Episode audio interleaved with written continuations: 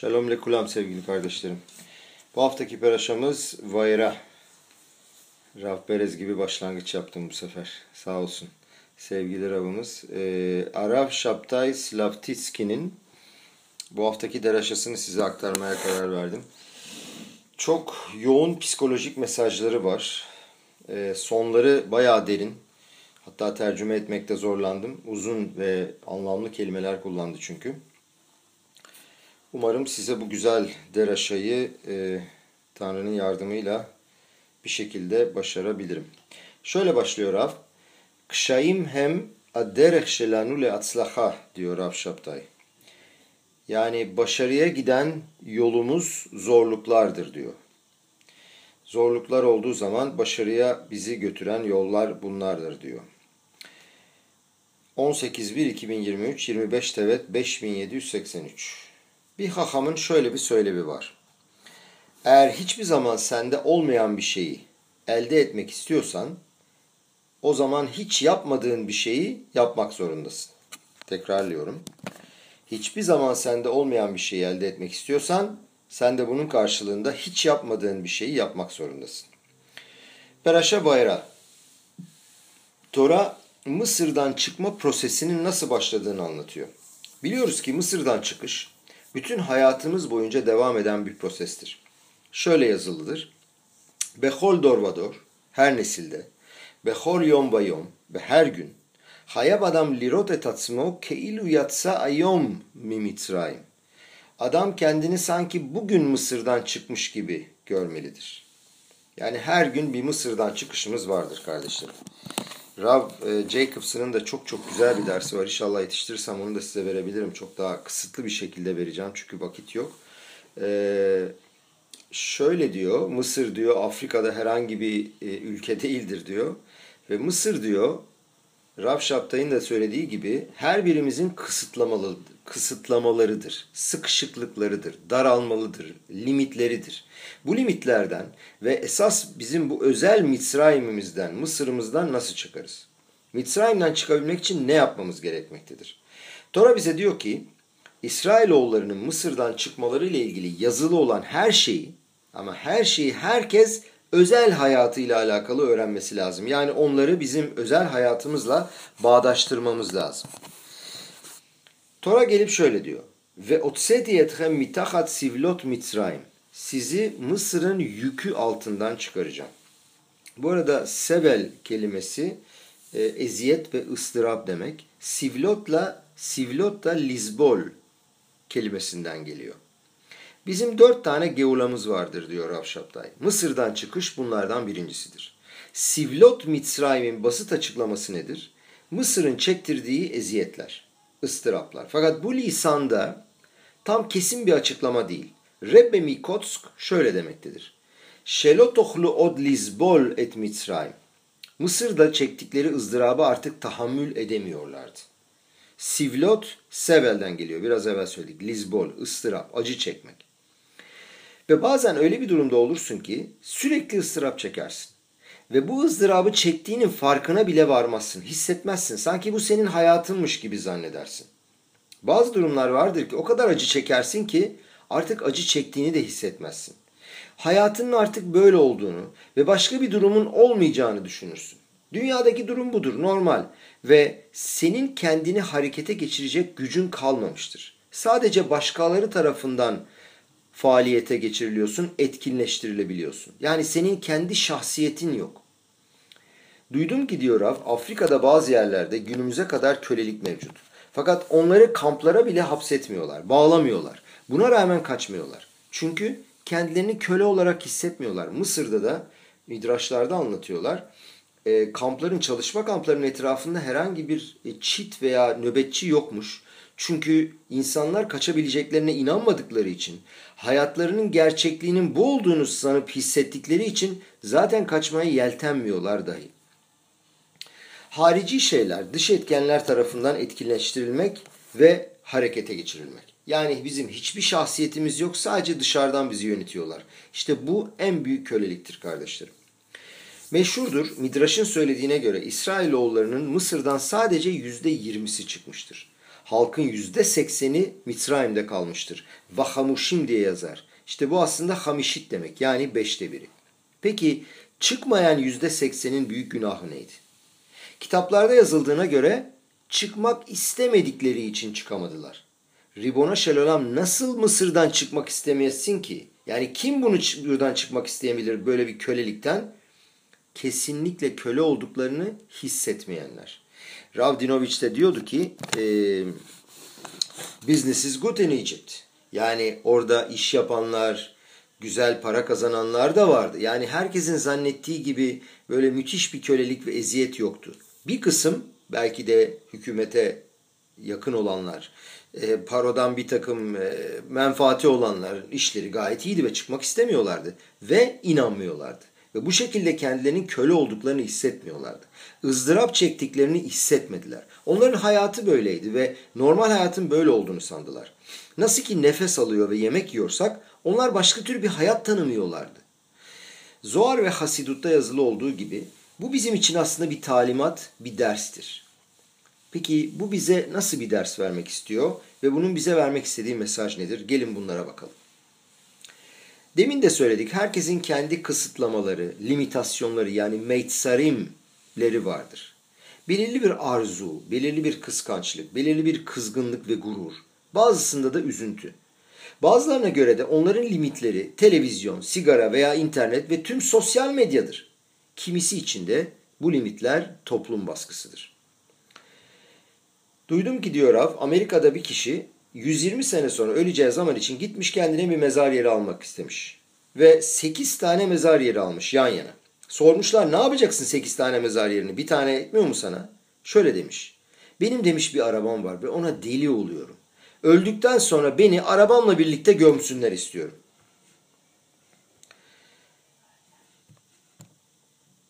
Ee, bazı insanlar vardır o kadar arabalarına düşkündürler ki birisi onların arabasına küçük bir çizik bile yapsa onu yapan adamı öldürebilirler. Bu kadar acayip bir arabalara düşkünlükleri var. Peki buna ne denir biliyor musunuz? Buna belirli bir şey olan kölelik adı verilir. Peki bakalım bu kölelik nasıl başladı? Midraş der ki Misraim evidu et am İsrail be fareh. Mısırlılar İsrail halkını büyük zorluklar altında çalıştırdılar. Peki pareh aslında noktalama işaretlerini değiştirirseniz perah da olabilir, çiçek de olabilir. Yani başta Firavun şöyle demiş ilk gün. Hepinize demiş birer tuğla vereceğim ve her koyduğun tuğla için yüz şekel alacaksın demişler. O zaman herkes görünce yüz şekeli herkes bir taneyle kalmak istemedi. Daha çok yapmak istemişler. Çünkü daha fazla para kazanmak istiyorlardı. Firavun da böyle olduğunu görünce dedi ki ha dedi madem ki bugün bütün kadar şeyi yapabiliyorsunuz kapasiteniz bu. Ertesi günde aynı bu yaptığınız işi yapacaksınız fakat bu sefer maaş almadan yapacaksınız. Dün arada e, Holland'daki kalda bir Rav'ın anlattığı bir hikaye var. Onu şurada belki küçük şey, bir şekilde araya sokmak istiyorum. Şöyleymiş. İlk gün bu kadar güzel paralarla çalışmışlar. Ve ikinci gün daha da zam yapmışlar. Yani 100 şekel değil 150 şekel vermişler ikinci gün diyor bir midraş. Ve adamlar da tabii görünce 150 şekilli Yahudiler başlamışlar çalışmaya. Fakat o kadar sıcakmış ki çıkarmışlar e, üstündekileri kıyafetleri. Çünkü herkes soruyor niye Yahudiler hiç e, ez, hiç isyan etmediler? Yani köle olduktan sonra neden isyan etmediler? Niye savaş etmediler? Buna yapılan küçük bir yorum bu. Böyle yapınca gömleklerini çıkarınca Mısırlılar gitmişler gömleklerini almışlar.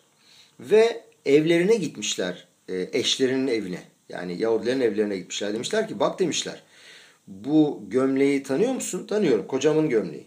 Bak demiş bu adam bana dedi ki demiş bütün evinizdeki e, silahları, kılıcı e, ve savaşabilecek bütün aletleri e, ver demiş. Böyle konuştum ben. E, bunları biz satın aldık demişler. Dolayısıyla da kadınlar da madem böyle bir şey oluyor hepsini vermişler. Ertesi gün ne zaman ki Paro ve bütün komutanlar demişler onlara artık para almadan çalışacaksınız. Adamlar isyan etmek istemiş. Fakat isyan edememişler çünkü ne bir savaş araçları ne hiçbir şeyleri varmış. Ve önce çiçekle yani perahla başlayan bu güzel Dolce Vita'ya giriş maalesef kölelikle sonuçlanmış. Kardeşlerim bütün sıkıntılarımız ve limitlerimiz de sıkışıklıklarımız, daralmalarımız da böyle başlar. Başlangıçta her şey çiçek gibidir.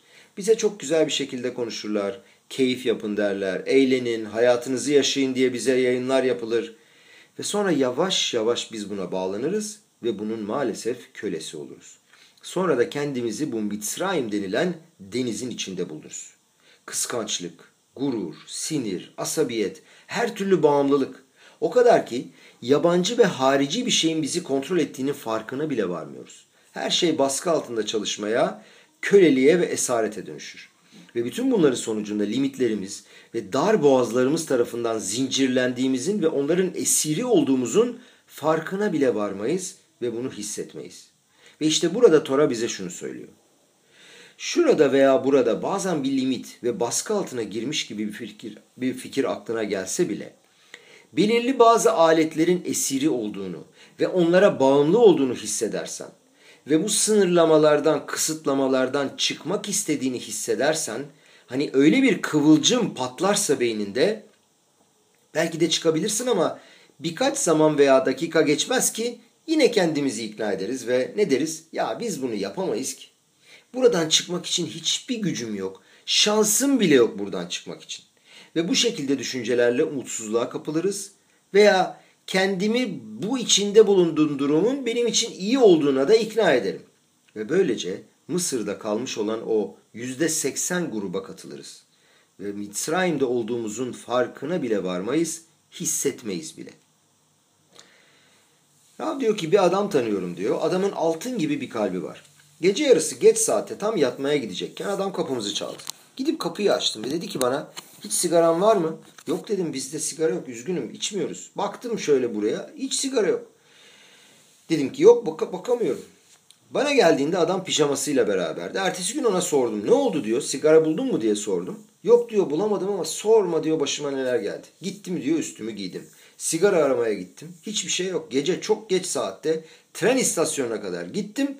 Ve orada trenden çıkan insanları durdurup onlardan 2-3 tane sigara istedim.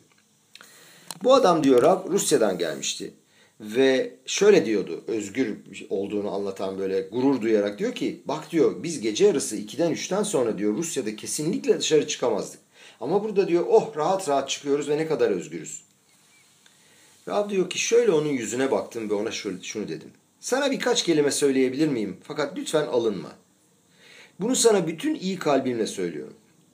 Olabilecek en büyük esaretin altındasın. Öyle ki bu sigara bağımlılığı seni yatağından çıkartabiliyor, seni giydiriyor, dışarı çıkartıyor, tren istasyonuna kadar sigara aramaya gidiyorsun. Sen buna diyor özgürlük mü diyorsun? Akadosh Baruhu gelip her bir Yahudi'ye tek tek diyor ki o Bene İsrail'e dediği gibi Ani Hashem ve otseti etchem mitahat sivlot Mitzrayim.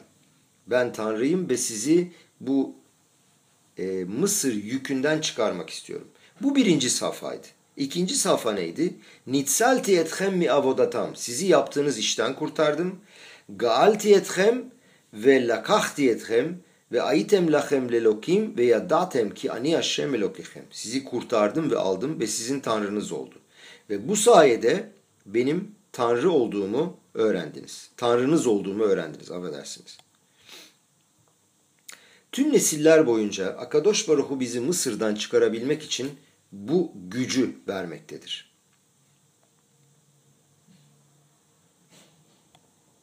Çıkar.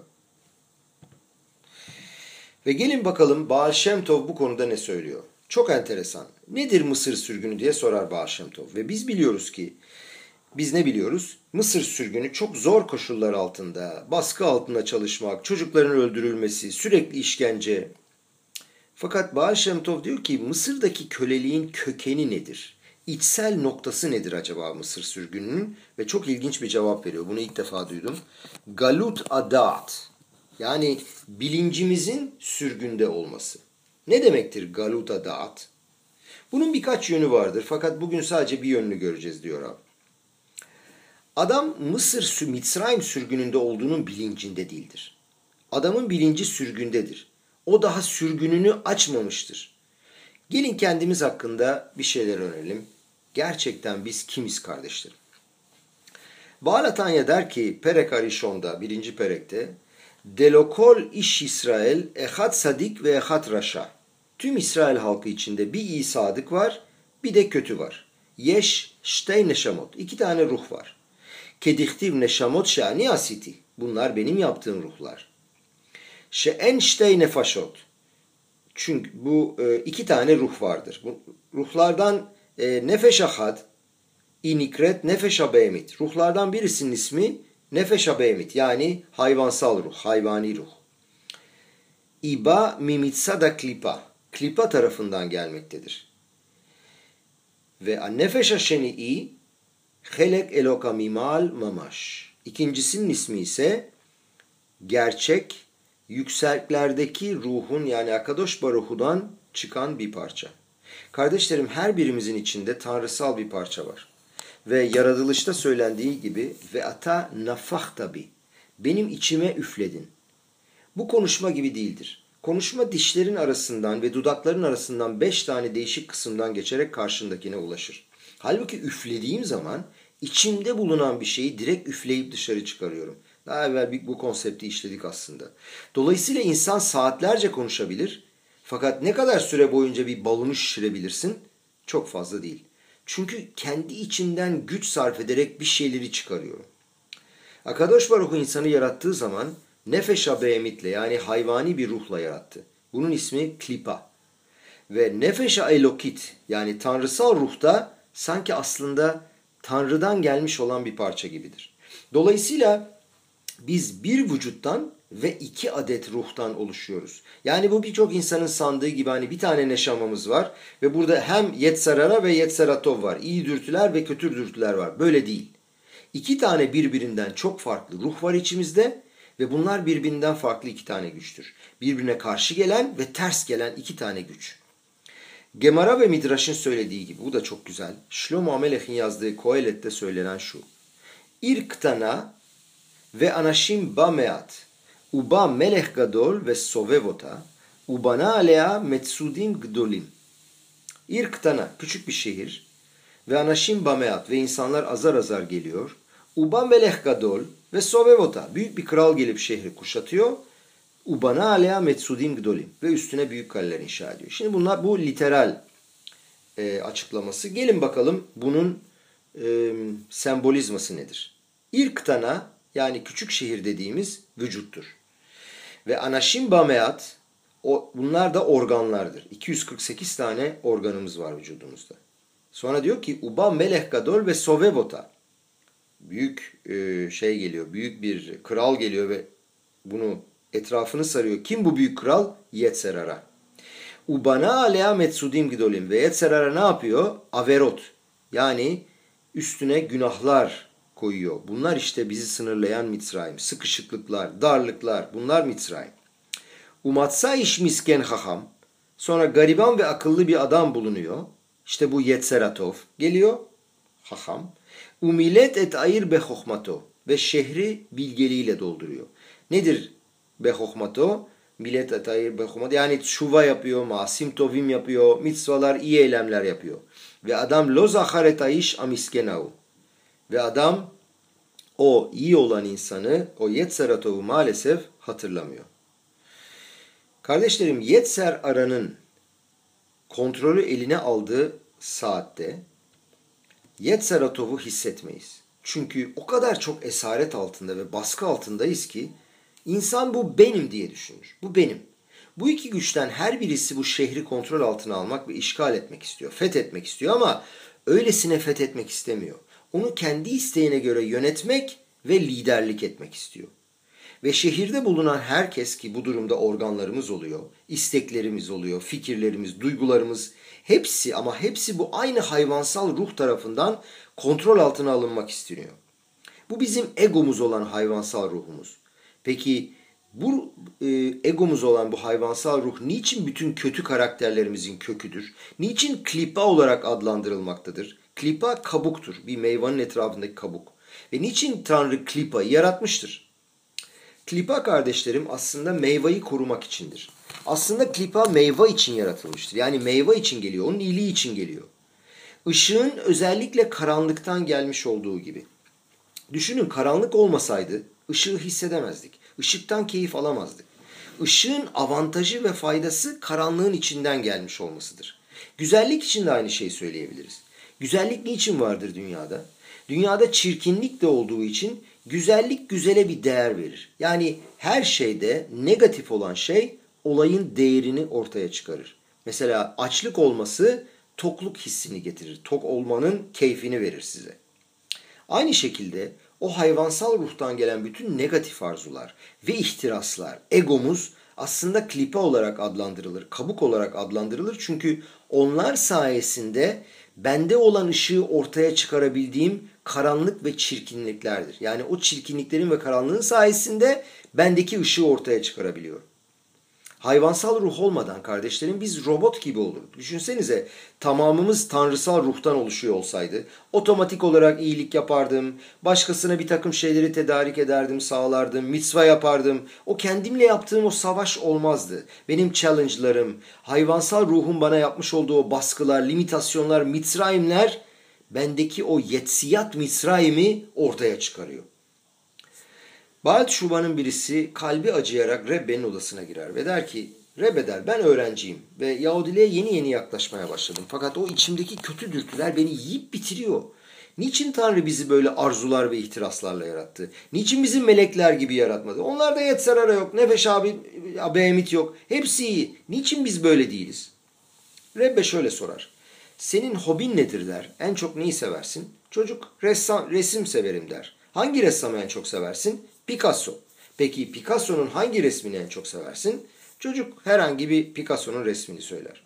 Rebe der ki, peki der herhangi bir kişi o sevdiğin resmin yanına gidip bunun fotoğrafını çekse ve orijinal resmi, resim ile fotoğrafı yan yana koysak hangisi daha gerçek görünür? Görünürde hangisi daha çok yaşıyor gibi görünür? Çocuk der ki fotoğraf. Peki fotoğrafın değeri nedir? 25 sent. Orijinal resmin değeri nedir? 20 milyon 30 milyon dolar. Peki Rebbe sorar niçin düşündün mü? Çocuk bilemiyorum der. Bu sanat ama diğer cevabı tam bilemedim. Rebbe der ki fotoğrafını çekmiş olduğunuz o görüntü robottur. Bunda hiçbir yaratıcılık yok. Resmi çizen ressam ise bütün duygularını resmin içine koyuyor. Annesini, babasını, bütün meydan okuma işlerini, challenge'larını, sıkıntılarını, yükselişlerini ve bütün hislerini resmin içine sokuyor. Kendisini resmin içine sokuyor. İşte o yüzden değerli ve pahalı. Bethabat'ta genç bir ressam vardı. E, Belçika'dan bahsediyor Rab. Geçim sıkıntısı vardı bu çocuğun ve ona resimlerini satmayı teklif ettik. Resimleri gayet de güzeldi. Genç ressamlar arasında, genç sanatçılar arasında birinci seçilmişti. Dolayısıyla dedik ki senin resimlerin para eder. Genç adam dedi ki ben dedi kendi resimleri satamam. Çünkü eğer satarsam sanki kendi elimi satıyormuşum gibi olur. O kadar içine girdim. Ressam kendini resmin içine sokuyormuş gibi hisseder. Rebbe der ki robotların ve meleklerin 25 kuruş 25 centlik değeri vardır. Problemleri, meydan okumaları olan insan ve bunun içinden çıkıp yeni bir karakter, yeni bir gerçeklik oluşturan adam ise çok değerlidir. Ve işte bu senin güzelliğindir. Bir gün birisi bana dedi ki ne kadar yazık böyle olduğum, ne kadar yazık ki ben böyle olduğum gibi bir insanım. Kendinde bir sürü problemler, ihtiraslar ve challenge'lar olduğunu hissetmiş ve demiş ki yazık ki bende bu tip sıkıntılar ve problemler var ama sonra devam edip şöyle dedi. Fakat aynı zamanda şanslıyım. Niye? Eğer gerçekten istediğim gibi birisi olmuş olsaydım, sadece iyi olsaydım, o zaman ben kesinlikle ben olmazdım. Ben olmazdım çünkü robot olurdu. Şanslıyım ki, iyi ki olduğum gibiyim, iyi ki bu benim.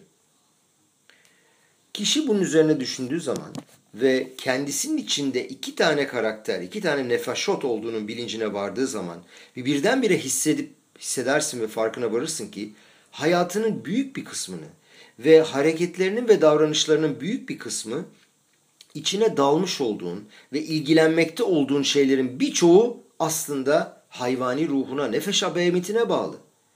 Fakat o tanrısal bir ruh olduğunun da bilincinde. Yani içinde saf, temiz ve tanrısal bir şey olduğunun da farkında ve birdenbire kendi içinde bir mesafe, bir fark, bir aralık, par diyorlar buna. Bir fark olduğunun farkına varıyor. Olabileceği ve yapabileceği şey ile gerçekte olan şey arasındaki mesafe, bir uçurum. Kendi davranışıyla nasıl davranabileceği arasındaki bir mesafe. Mevcut şimdiki zamanda hissettikleriyle hissedebileceği şeyler yani mutluluk neşamasına bağlı olduğu için hissedilmiş mutluluk arasındaki mesafe ve fark. Bulunduğu yer ile bulunmak istediği yer arasındaki mesafe uçurum. İşte bu mesafe gelişebilmek ve değişebilmek için hepimiz için muazzam bir fırsattır kardeşlerim. Doğrudur ki bu mesafe, uçurum sıkıntılarla, hayal kırıklıklarıyla, rahatsızlıklarla birlikte gelir. Bazen de insanda krizlere sebep olur. Ve çoğu zaman biz bu tip durumlardan kaçmak isteriz. Sıkıntı istemeyiz çünkü. Savunma mekanizmalarımızı hemen devreye sokarız. Fakat bu gerçektir. Ve bu karşılaştığımız gerçeklerden nasıl kaçabiliriz ki?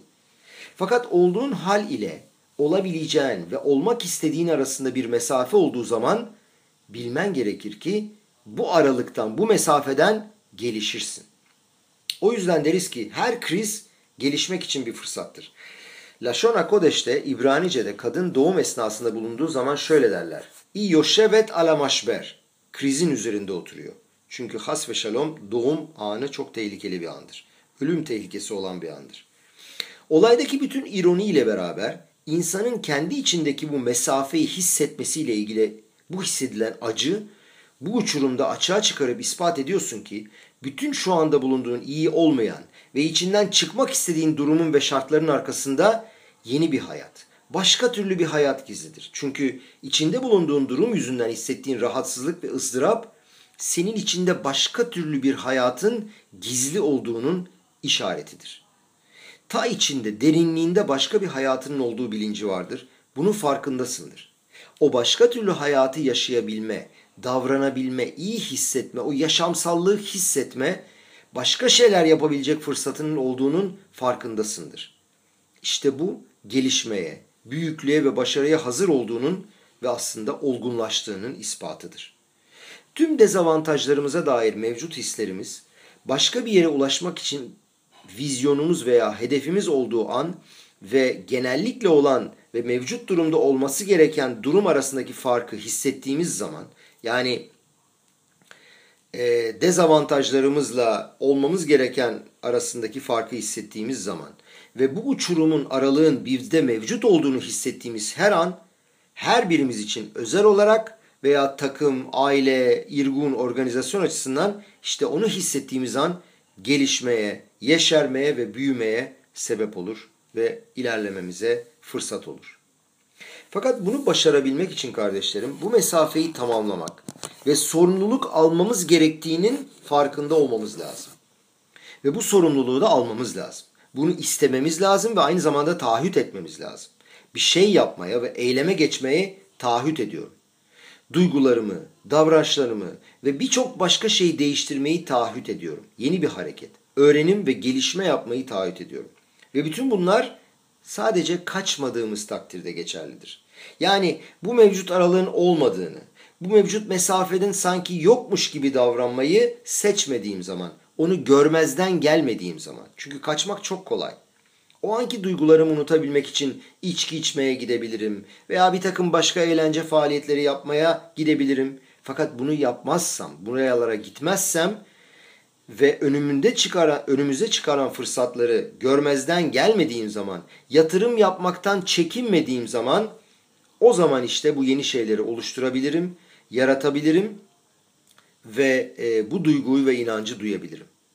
Tanrı İsrail milletine diyor ki bu dört tane sürgünden çıkmanın ilk aşaması ve otseti ethem mitahat sivlot mitzrayim yani sizi Mısır'ın yükü altından çıkaracağım. Kotskere benim söylediği gibi durum budur. Hayat budur şeklindeki fikrinizden çıkın. ızdırap çekiyorsun fakat yine de bu ıstırabın içinde bile o Mitzrayim'in içinde bulunduğunun farkında değilsin. Bunu hissetmiyorsun. İçimizde tanrısal ruhun olduğunu fark ettiğimiz ve bunu açığa çıkarttığımız zaman ve bütün dünyayı ve etrafımızı etkileyebilmek için içimizde sevinç, temiz kalp, güzel duygular, güçler olduğu zaman hissederiz ki bütün bunlar içimizden kaybolmuştu ve sönmüştü. Niçin? Çünkü üstümüzdeki o limitlerimiz, sıkışıklıklarımız, kısıtlamalarımız, daralmalarımız ve klipalar yüzünden o güzel duygular kaybolmuştu. Ve birdenbire şimdiye kadar bende olduğunun bilincinde olmadığım şeylerin meğerse var olduğunu hissediyorum. Şimdiye kadar buna inanmamış ve bunu hissetmemiştim. İşte buna yeniden doğmak diyoruz kardeşlerim. Daha önce tanımamış olduğunuz içinizdeki yeni yerleri keşfettiğimiz ve görüntülediğimiz zaman kendimizde bir devrim gerçekleşir. Ve bizde gizli olan bir takım kabiliyetlerimiz birdenbire ulaşılabilir hale gelir. Bu, kali, bu kabiliyetleri ve yetenekleri gerçekleştirmek üzere yönlendiririz. Bunlar bizi başka türlü bir insana dönüştürebilecek karakteristik özelliklerdir. Bunu anlatabilmek için bir spor anlatalım. Stern adında Amerika'da bir adam vardı. Ve çok çok zengin bir adamdı. Özel uçağı, yatı, çok büyük miktarda da sadaka, bal sadaka e, bir adam. Çok sadaka veren bir adamdı. Ve 80 yaşında özel bir doğum günü partisi düzenledi. Ailesi, kendisi, birçok şarkıcılar getirdi.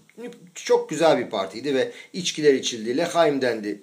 Ve davetlilerden bir tanesi Stern'e bir soru sormak istedi. Dedi ki, 80 senelik bütün hayatın gözlerinin önünden geçtiğinde en yüksek, en muazzam noktada bulunduğun zaman hangisiydi? Stern soruyu alınca insanlara dönüp sordu. Dedi ki ne diyorsunuz? Ne tahminde bulunuyorsunuz? Birisi dedi ki ilk milyonunu kazandığında. Birisi dedi ki ilk evini satın aldığında, evlendiğinde, ilk çocuğun olduğunda, ilk torunun olduğunda. Stern dedi ki hayır dedi. Bunların hiçbiri değil. Ben size anlatayım dedi ne zaman olduğunu. Ben dedi Holocaust'ta ölüm kampındaydım. Ve bulunduğumuz barakada bir tahta parçasının üstünde rafların üstüne altı tane adam yatması lazımdı. Tek bir tahtanın üstüne. O yok olasıca yimah şemam naziler bizim aramızda münakaşa olmasını, kavga olmasını istiyorlar. Dolayısıyla her altı kişiye tek bir battaniye verdiler. Sırf aramızda kavga olsun diye. Sırayla içeri girdik. 1, 2, 3, 4, 5, 6. bendim. Ve 6. kişi ben, ben olduğum için de battaniyeyi bana verdiler. Yatak adı verilen o tahta parçasının üzerine çıktım. Müthiş bir soğuk vardı. Hiçbir ısıtma yoktu. Normal hayatta olan konforun hiçbirisi orada yoktu ve delici bir soğuk vardı. Donuyorduk. Kalbinde büyük bir savaş veriyordu. Acaba battaniyeyi açsa mıydım? Yani herkese mümkün olduğu kadar çok verse miydim? Böyle hepimiz bir araya gelelim, sıkışalım ve bu şekilde ısınalım mı? Yoksa battaniye bende. Kendime saklayayım, bütün vücudumu onunla sarıp sarmalıyım mı? Kardeşlerim bu noktada diyor ki burada şoada hayat memat meselesi bu. Çünkü birçok insan soğuktan çok etkilendiler. Üşüdüler ve soğuktan ölenler vardı. Ve maalesef ve kendime inanamadım. Bunları duyuyorum bu arada. Ne yapacağıma karar vermeye çalışıyorum. Birdenbire içimde bir his uyandı. Ver. Var olanı insanlarla paylaş dedi o içimdeki his. Karşındakine sıcaklık ver ve battaniyeyi yaydım. Birçok kere bu duygunun bana nereden geldiğini kendi kendime sordum. Düşünün orada Holocaust'ta, anda herkes kendi hayatını düşünmek zorundaydı. Küçücük bir parça ekmek bile çok önemliydi. Biraz daha iş yapabilmek bile önemliydi. Peki bu güç bana nereden gelmişti? Bende var olan bir şeyi açığa çıkardım. O tanrısal ruhu. Neşama elokit. Ve işte ben kendimi ancak böyle tanımlayabilirim. Beni tanımlayabilecek olan bir şey varsa işte bu benim. Kendini bir evi olan insan, zengin bir insan olarak tanımlamadı Stern. Kendini o insan olarak, içinde tanrısal ruhunun açığa çıktığı insan olarak tanımladı. Kendini şu şekilde tanımlayamazsın. Kimsin sen? Ben çikolata severim. Ben şu oyundan keyif alırım. Bu bizi tanımlamaz kardeşlerim. Bu bizde otomatiktir. Bu arzularımızdır. Bu klipamızdır. Kabuğumuzdur.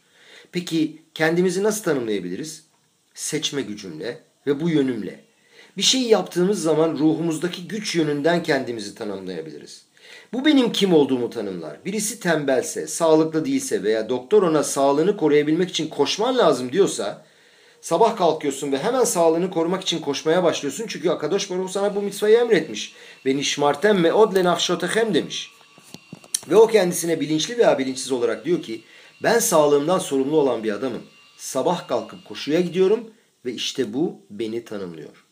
Adamın biri birisine yardım etmeye, Tora dersi yapmaya, sinagoga gidip insanlar için biraz yemek hazırlamaya veya kendi seçimi olan neşamasını açığa çıkaran herhangi bir şeyi yapmaya kendi üstüne görev olarak almış. İstemiş olduğumuz, yapmak zorunda olduğumuzu bildiğimiz veya bilincinde olduğumuz faaliyetlere evet dersek işte kardeşlerim bu bizi tanımlar. Fakat bizi tanımlamayacak olan faaliyetlere de hayır demeyi bilmemiz lazım ve bunu istememiz lazım. Benim içimdeki gerçek ben ancak bu şekilde inşa olur. Bu şekilde içimizdeki ruha ve neşamaya bağlanırız. Sadece düşünceler bizi tanımlamaz. Aynı zamanda ve ana prensip olarak seçimlerimiz bizi tanımlar. Ve sadece sözlü olarak yaptığımız seçimler değil, aynı zamanda eylemsel seçimlerimiz. Güçlerimizin sonsuz olduğunu bilmek Mısır'dan çıkmak demektir.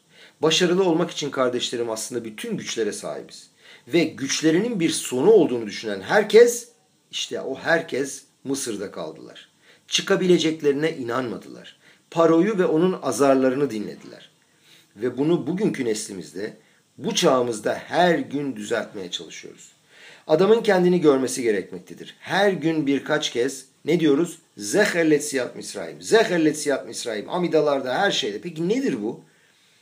Bizim kendi güçlerimizin sonsuz olduğunu içselleştirmemiz gerekir. Bunu iç, içimizde hissetmemiz lazım.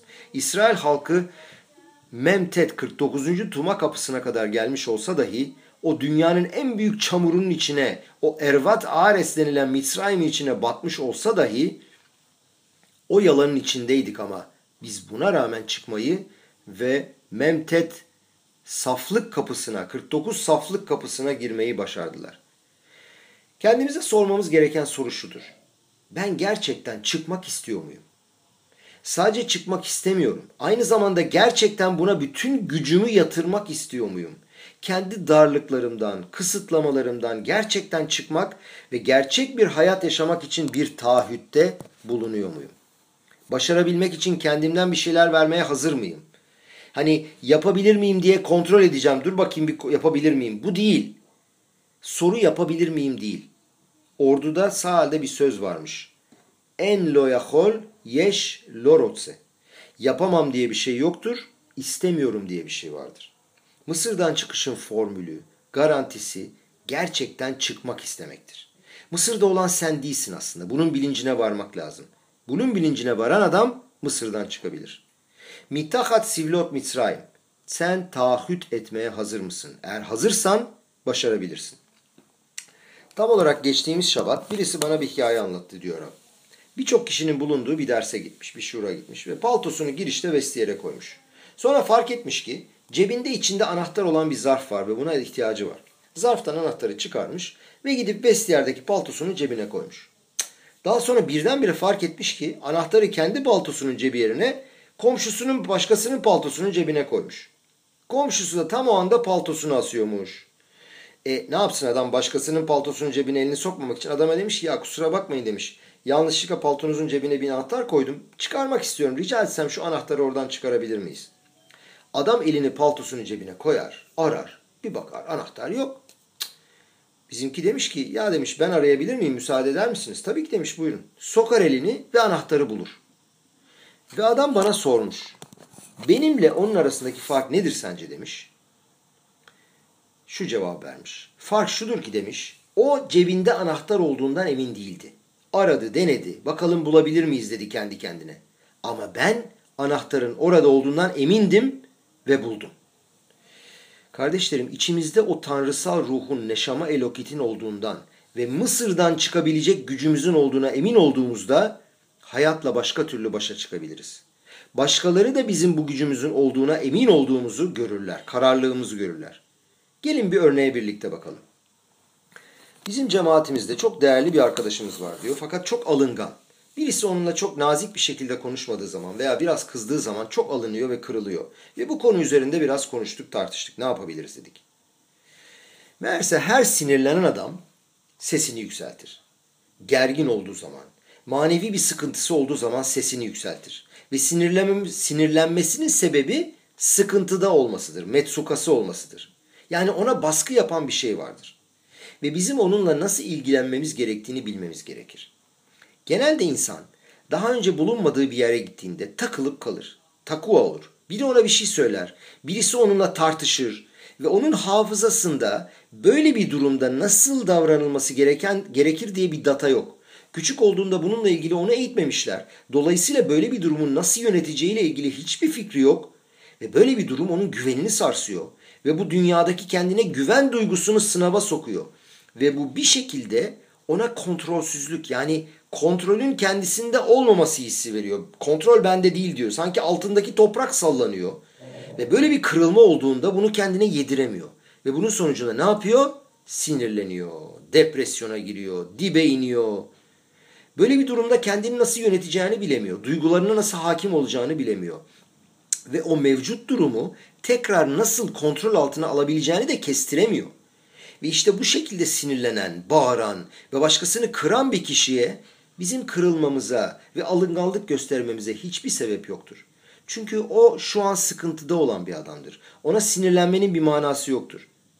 Bizim kime konuştuğumuzu bilmemiz lazım. Onun klipası, dış çerçevesi, onun klipa yani dış çerçevesine, streste, baskıda, hayal kırıklığı içinde olan nefeş abeyemisine, hayvansal ruhuna konuşmak zorunda değiliz. Onun neşamasına konuşmamız lazım. Kendi neşamamın içinden konuşmam lazım. Ona merhamet göstermeye çalışmam. Ona merhamet hissi ve şefkat vermem lazım. Ona sanki çocuğummuş gibi bakmaya çalışmam lazım. Bizim çocuğumuz sinirlen, sinirlenip haykırmaya başlarsa ne yaparız? Hani yemek istediği gibi değilse, yere düştüyse, iskemleden aldığı darbeden canı acıdıysa, iskemleye sinirleniyorsa onunla münakaşa eder miyiz? Onun o anda çekmiş olduğu eziyeti, ızdırabı düşürmeye çalışırız. Bazen bunu yapmak çok zor olur fakat bu zorluk bizim hoşumuza gider. O çocuğa, o çocuğun acısını hissederiz ve o çocuğu sarıp sarmalamak isteriz. Kucaklama hissini duyarız. Ve işte bu şekilde hem kendi ruhani sağlığımızı korumuş oluruz, sinirlenmeyiz, agresif olmayız ve bu düşünce yoluyla çocuğun da sağlığını korumuş oluruz. Bu düşünce yolu çok daha büyüktür. Bu benim kendime verdiğim yüksek özdeğer olgusunu açıyor. İçimde yüksek bir şey olduğunu hissediyorum. Bana derin bir manevi istikrar sağlıyor.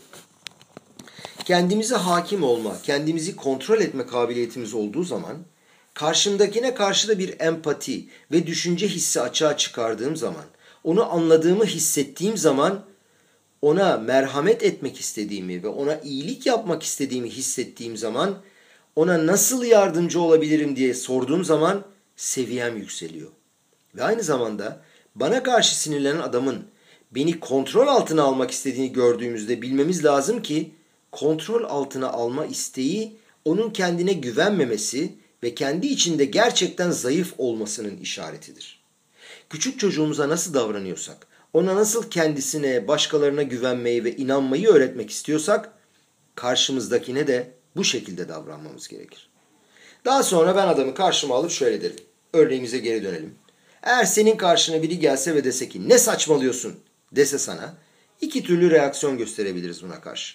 Ve bu iki reaksiyon, iki tepki benim kim olduğumu ortaya çıkarır. Yani benim özümün, esasımın ne olduğunu açığa çıkarır. Ona şöyle diyebilirim. Ne? Ben mi saçmalıyorum? Ne anlarsın sen be? Sen bu işlerin içinde değilsin ki. Burada ne olduk bittiğiyle ilgili hiçbir şey anlamıyorsun diye bağırabilirim ve böyle reaksiyon gösterebilirim. Fakat bu sanki kendine çok güvenen bir adammış gibi seni gösteren reaksiyon, hani böyle bağırıp çağırıyorsun ya, aslında kendine güvenme değildir. Tam aksine kendine güvenmeme ve kendi kendine inancının düşük olma göstergesidir. Kendi olaylarınla alakalı kendinden emin değilsin, saldırıya uğramış gibi hissediyorsun. Belki de senin hata yaptığını düşündüklerinden şüphe ediyorsun ve buna karşı tepki gösteriyorsun. Fakat reaksiyon tepki göstermenin başka bir yolu daha vardır. Sakin, sessiz, yüzünde bir gülümsemeyle, kendine güvenen bir insan edasıyla, bilincindesin ve kabul ediyorsun ki bazen başkalarında da başka türlü bir görüş açısı olabilir. Başka türlü görür, başka türlü anlayabilir ve bu kabul edilebilir. Buna izin verilebilir ve bazen bu şekilde arzu da edilebilir. Fakat bu görüş açısının aslında onun özüyle ilgisi yoktur. Çünkü ben başka türlü düşünüyorum, sen başka türlü düşünüyorsun. Bu da iyi bir şey. Ve bu durumda ben ona saldırmıyorum. Ve sakin bir şekilde duruyorum ve diyorum ki, evet diyorum, bazen saçma şeyler söyleyebilirim. Fakat bu özel durumda belki de niye bu kadar saçma olmadığını sana açıklamama izin verirsin ve beni dinleyebilirsin. Ve bunu sakin ve anlayışlı bir şekilde alınmadan söylüyorum. Arkadaşımla iyi bir ilişki içindeyim fakat ona boyun eğmiyorum. Onun fikrine ve kendi fikrime saygı gösteriyorum. İlişkiyi yakıp yıkmıyorum, köprüleri atmıyorum. Yani kontrolü başkalarıyla ilgili hislerimize dayanarak kendimize almak zorunda değiliz.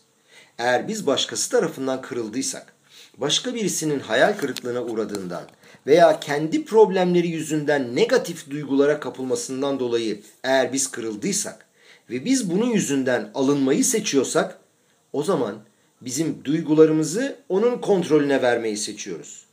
Kardeşlerim kontrol sadece bizim elimizdedir. Kim olduğumuza ve her an ne yapacağımıza sadece ve sadece bizim karar vermemiz gerekmektedir. Başka kişilere, başka durumlara, arzulara, duygulara, her tür kısıtlamalara, limitasyonlara, daralmalara bizim mutluluğumuzun anahtarını veremeyiz. Bir kişinin elinden her şeyi alabilirsiniz, bir şey hariç. O da seçim hakkıdır. Şoa'da bulunan Viktor Frankl şöyle diyor. Şoa'da insanların nasıl tepki gösterdiklerini inceledim ve gördüm. Bütün o cehennemin içinde bazı insanlar vardı ki Tanrı'nın görüntüsüne tutundular. İhziku etat selem elokim. Ne yaptılar? Karşısındakine gülümsediler. Karşısındakini kucakladılar. Kendi ekmeklerinden küçük bir parçasını daha başkasına verdiler. Ve işte onlar hayatta kaldılar. Onlar holokostu geçirdiler hem de sağlıklı bir şekilde hayatta kaldılar.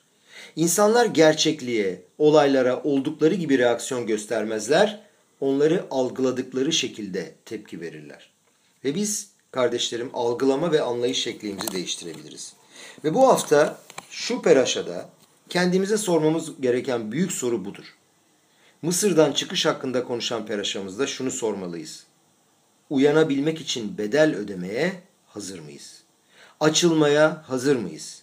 Kendimizle olmamız gereken durum arasındaki değişikliği, mesafeyi görmeye hazır mıyız? Kendi ruhani yönümüzü, büyümemizi açmaya, geliştirmeye hazır mıyız? Ve işte bu şekilde biat maşiyahı da yakınlaştıracağız. Amen ve hen ratson.